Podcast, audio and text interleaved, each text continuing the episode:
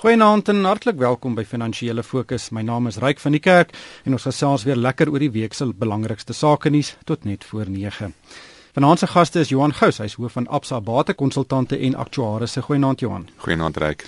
En op George is Shaal Bester, hy's beleggingskenner en portefeuljebestuurder by Creer Internasionaal. Goeienaand Shaal. Goeienaand Ryk. Ons het die week die einde van 'n era gesien. BHP Billiton se aandeelhouers het oorweldigend ten gunste van 'n ontknoping van verskeie van die groep se minder winsgewende bates in 'n nuwe maatskappy goedgekeur. En in wese beteken dit dat BHP Billiton nou nie meer 'n direkte blootstelling aan die Suid-Afrikaanse mark het nie. En die bates word ontknoop in 'n nuwe maatskappy genaamd South 32 en sal in Suid-Afrika, Australië en in Brittanje genoteer word. Johan, Is hierdie transaksie tekenend van oor hoe groot mynmaatskappye oor Suid-Afrika dink of is ek nou net 'n bietjie nostalgies? Ja, ek dink reg kom ons as ons die rede verstaan wat hulle gee vir hoekom hulle hierdie ontbondeling doen. Dink eh, uh, BHP het gevoel dat dit hulle sal dalk meer fokus kan kry in terme van hierdie verskillende besigheidseenhede en ehm um, jy weet dat hulle hulle beleggings of hulle besigheidsportefeulje so 'n bietjie wil verteenvoudig. En ek dink ons weet daar is al redelike uh, weet eh, syne gewees van 'n klomp maatskappye wat dalk voel dat Suid-Afrika is nie die mees beleggingsvriendelike of of besigheidsvriendelike plek om te wees nie. So dit kan tog een van die redes wees. Maar ek dink as ons net kyk weet South 1932 eh, het belange in vyf lande met die twee hoofstreke wat hulle dan bedien, Australië en Suid-Afrika en dit dit is sodat South eh, uh, 32 het van die mees kompeterende besighede in hulle onderskeie industrieë en het baie baie ervare bestuur. So um, wat nou gebeur het was Billiton moes nou eers goedkeuring kry vir die ontbondeling by 'n paar belangegroepe en op die einde van die dag het aandeelhouers met 98% ten gunste van hierdie ontbondeling uh daarvoor gestem en die aandeel word nou op 18 Mei genoteer in Australië en dan ook in Suid-Afrika en in Londen. Maar ek dink wat ons nou hierso sien is SARS 32 se balansstaat stel hom in staat om wel na sekere oornames te kyk wat hulle kan doen gegee waar ons nou in die kommoditeitssiklus is en waar sekere van hierdie maatskappye besig is om regtig te sukkel, is daar dalk geleenthede wat nou kan opkom. Ja, Shaal, die, die groep het 'n uh, eh, taamlike groot bates in Suid-Afrika. Die grootste is natuurlik daai aluminium smelters in Richards Bay en en in Mosul in Mosambiek wat natuurlik so baie elektrisiteit gebruik, maar het ook uh, vier steenkoolmyne en 'n mangaanmyn en uh die Suid-Afrikaanse bates sal sowat 30% van die groep se winste bydra. Dis taamlike wesenlike bates wat nog in Suid-Afrika is. Natuurlik in in in self vir die tuise lewe gaan dit baie groot wees. As ons kyk net na Billiton wat Suid-Afrika eintlik het marginaal klein geraak. So ek dink ek dink dit is uh, dit sê ons ook waar ons in die siklus is.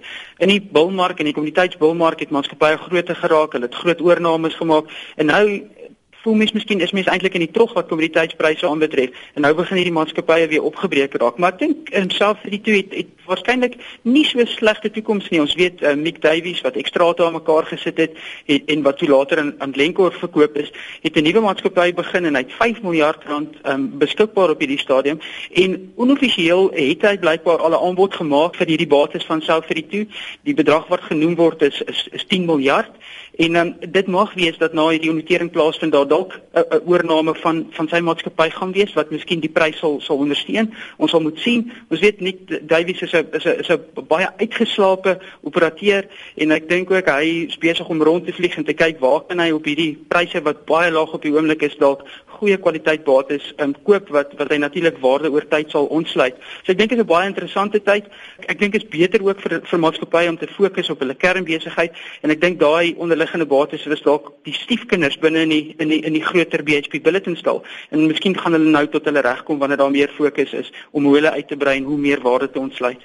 Ryk net daarbey aan te sluit. Ek dink een van die vrae wat gevra is is hoekom het hulle net hierdie bates verkoop nie? Hoekom ontbondel dit in SAF 32? En op hierdie stadium weer eens gegee waar ons is in die kommoditeitssiklus, sou hulle nie werklik vir aandeelhouers waarde geskep het deur dit net die bates te verkoop nie. En op hierdie stadium wat eh, die aanbod is dan eintlik dan dat Billiton aandeelhouers kry een self 32 aandeel vir elke bulletin aandeel wat hulle tans besit. Maar kyk Goldfields het ook vir Sibanye Gold ontknoop, ehm um, terwyl hulle ook daai bates kon verkoop het. Zabanya Gold het die afgelope paar jaar eintlik baie baie goed gevaar op die mark en regtig weet gestalte gegee aan die term waarde ontsluiting. Ja, ek dink dit is moeilik want uh, met elkeen van hierdie maatskappye het hulle eie dinamika en hulle is op 'n ander plek in terme van waar hulle is in 'n besigheidssiklus. So miskien het was dit net weer die regte besluit vir hulle gewees. Sjaal net die naam South 32. Weet die Australiërs is nie baie innoverend eintlik met name gee nie, maar waar kom hierdie naam vandaan en kon dit dan nie met iets beter vorendag gekom het nie? O, oh, dit gaan eintlik so werk weet as oor die oor die oor die breedtegraad. So uh, ja, ek dink um, mense met die, die soos jy sê, ek dink dis nie te veel aan die Australiërs oorlaat nie. Ehm um, maar maar ja, dit wys my net waar die bates is en uh, en en en waar dit geleë is. So streeksgebonde in die wêreld en ek dink daarom het hulle ook op hierdie naam besluit. Wel, Johan, een van die groot temas op die oomblik is ook die kommoditeitspryse, die wisselvalligheid daarvan. Ons het verlede week gesels oor hoe positief die vooruitsigte vir baie kommoditeite is en daar selfs mense wat gesê het na die positiewe vertoning verlede week dat uh, die kommoditeitssiklus aan die draai is en dat die die bilmark uh, nou weer kan kom. Uh, maar hierdie week het ons net weer gesien dit is so wisselvallig dit is regtig baie baie moeilik om te voorspel wat gaan gebeur. Ek dink reik almal soek op hierdie stadium daai onderste draaipunt vir die kommoditeitspryse en op die oomblik sien ons nog steeds dat in China die groot gevaar daar is dat daai ekonomie vinniger of meer gaan afkoel as wat mense verwag het. En ons weet dat in die laaste paar maande het die invoere van kommoditeite deur China drasties gedaal en hulle is die grootste invoerder van kommoditeite by verre in die wêreld. daarmee saam is die hele kwessie rondom die sterk dollar nog steeds op die voorgrond. Ons het nou gesien dat die werkloosheidseise hierdie week uitgekom het, dis die laagste in 15 jaar en dit beteken dat rentekoerse dat dat die Amerikaanse ekonomie nie te sleg doen op hierdie stadium nie en dan gaan dit weer terug na die rentekoers besluit waar almal se oë gefokus is op wanneer gaan die Federale Reservebank daai rentekoerse verhoog en as hulle dit doen gaan dit natuurlik weer eens die dollar ondersteun. So onmiddellik was die druk weer terug op, die kommoditeitspryse wat ek dink ons hierdie week gesien het op ons beurs. Dit is die hulpbronne aandele wat ons beurs die laaste 2 weke opgejaag het na daai nuwe hoogtepunt wat ons onlangs bereik het en ek dink daar was net so 'n bietjie weer van 'n realiteitskwessie geweest wat almal nou weer besef het miskien is dinge nog nie so rooskleurig nie en moet ons nie nou al te opgewonde raak nie. Sjoe, weet wat dit om, om 'n myn te bou of om 'n groot nuwe skag te sink, dit vat tyd. Dit vat ook baie geld voordat jy wat jy op die tafel moet sit voordat jy kan begin ontgin. Met die wisselvallige kommoditeitspryse soos ons dit nou sien, moet daai langtermynbeplanning moet regtig geraak word. Hoe dink jy hoe moeilik is dit vir die spelers reeds in die bedryf om sake te doen in so 'n wisselvallige omgewing? Maar ek dink dit is baie moeilik en ek ons sien aan ons groot kommuniteitsmaatskappye ook het het bykans almal 'n nuwe uitvoerende hoofde. So wanneer jy in 'n bullmark is, wanneer jy wil groei, wanneer jy wil groter word, het jy 'n bepaalde kandidaat nodig om jou maatskappy te lei. En ek dink nou wanneer jy moet bespaar, wanneer jy moet um, seker maak jy balansstaat bly sterk, en wanneer jy moet fokus op daai kostebesparings dan het mense 'n ander tipe persoon nodig. So ek dink maatskappye dit al eintlik 3 jaar terug begin implementeer. So ek dink nou gaan dit om seker te maak jy fokus op daai myne waar jy regtig 'n kostevoordeel het, waar jy laag op die kostekurwe is, waar jy nog steeds kan geld maak. Maar ons sien 'n geweldige gestoei, jy weet reg op met kommoditeite. Ons sien die Saudis wat wat aanhou oliepomp om te keer dat die skaliegasontwikkeling in in in en skalie die fracking in in Amerika van regtig van die grond af kom. Uh, ons sien die Australiese myne wat aanhou yster erts um, produseer groot volumes, volumes opstoot om so die ysterertsprys af te bring en die marginale myne toe te maak. So daar's op die oomblik is daar is daar 'n redelike uh, armdruk. Ek dink dit is baie moeilik om nuut te begin. Jy weet baie van hierdie myne is nou al lankal beplan en is nou daai fase waar hulle kan begin produseer maar ek dink as ons luister wat die mynhoofde die mynbase en die hoofuitvoerende beamptes vir ons sê we gaan dit nou eerder op kostebesparings om seker te maak ons kom deur hierdie krisis want niemand weet hoe lank kan dit aangaan nie en niemand weet regtig hoe ver kan kommoditeitspryse nog daal nie maar dit wat ons sien die geleide wat ons hoor hierdie wat nou met PHP bulletin gebeur begin mense amper voel dat dit tekens is van dat ons dalk nou op die trog is en dat kommoditeitspryse moontlik op 'n laagtepunt is. Ryk as jy kyk na bestuur, weet daar is baie min wat hulle kan doen aan die prys van die kommoditeite. So dit is sodat die fokus op hierdie stadium is dan regtig net op die koste bestuurkant. Ons het gesien van ons platinum myne begin onderhandelinge te hê met hulle werknemers en hulle vakbonde, uh, sodat hulle kan probeer proaktief optree en die skade in terme van werksverliese beperk. En dan op die einde van die dag, jy weet, jy kan net soveel koste bestuur doen, dan moet jy op 'n stadium harde besluite begin neem rondom die kostes wat jy moet besnoei.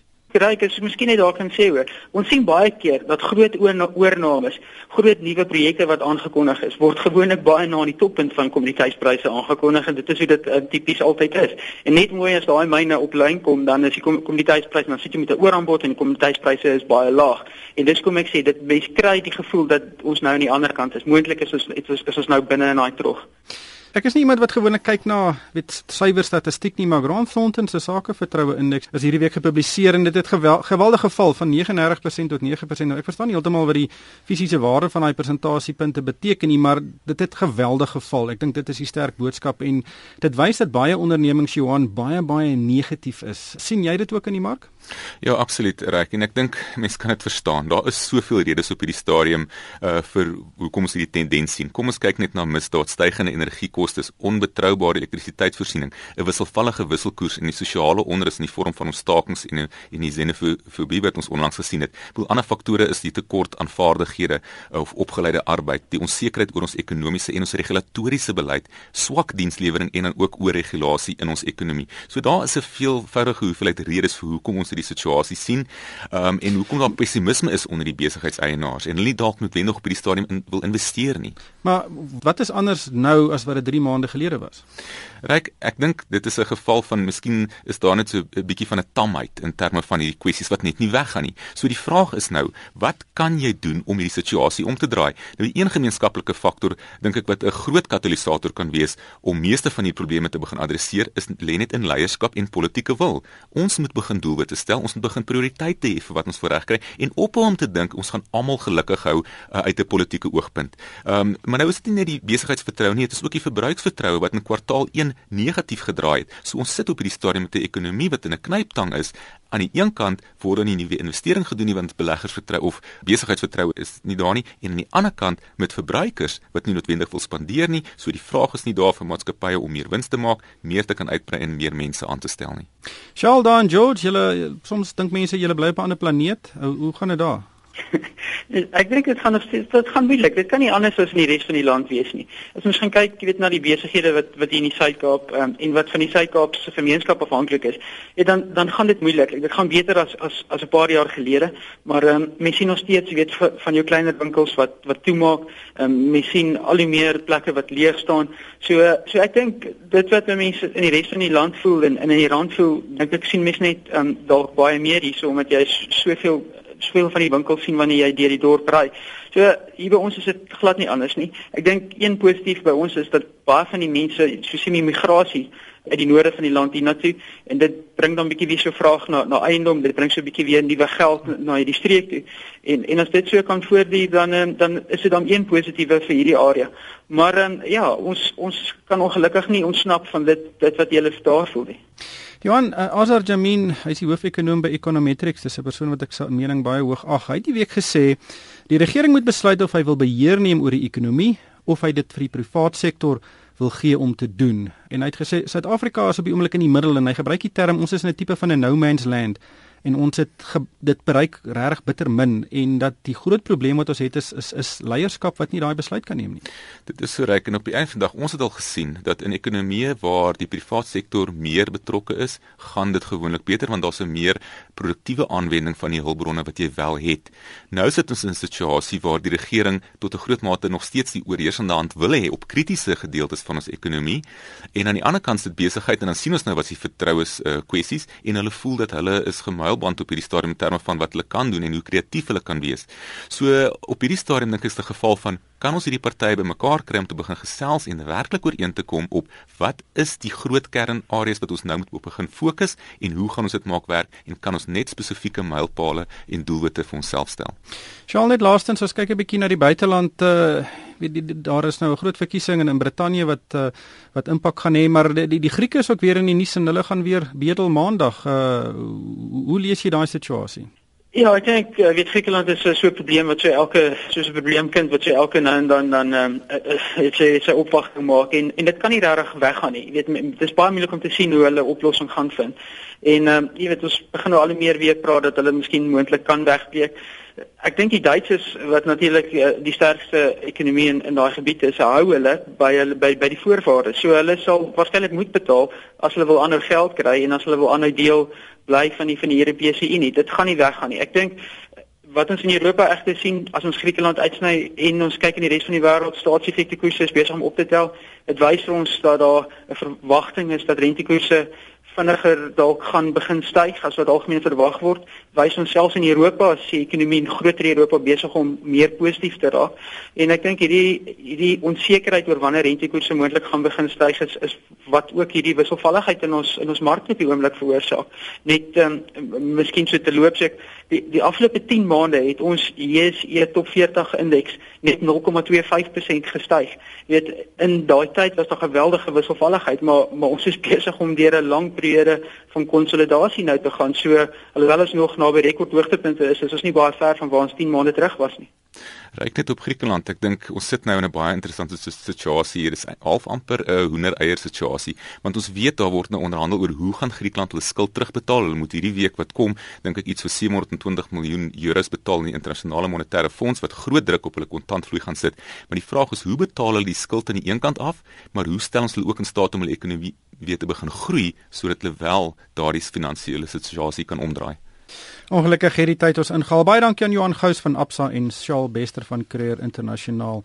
En van my ryk van die kerk, dankie vir die saamluister en ek koop almal 'n winsgewende week.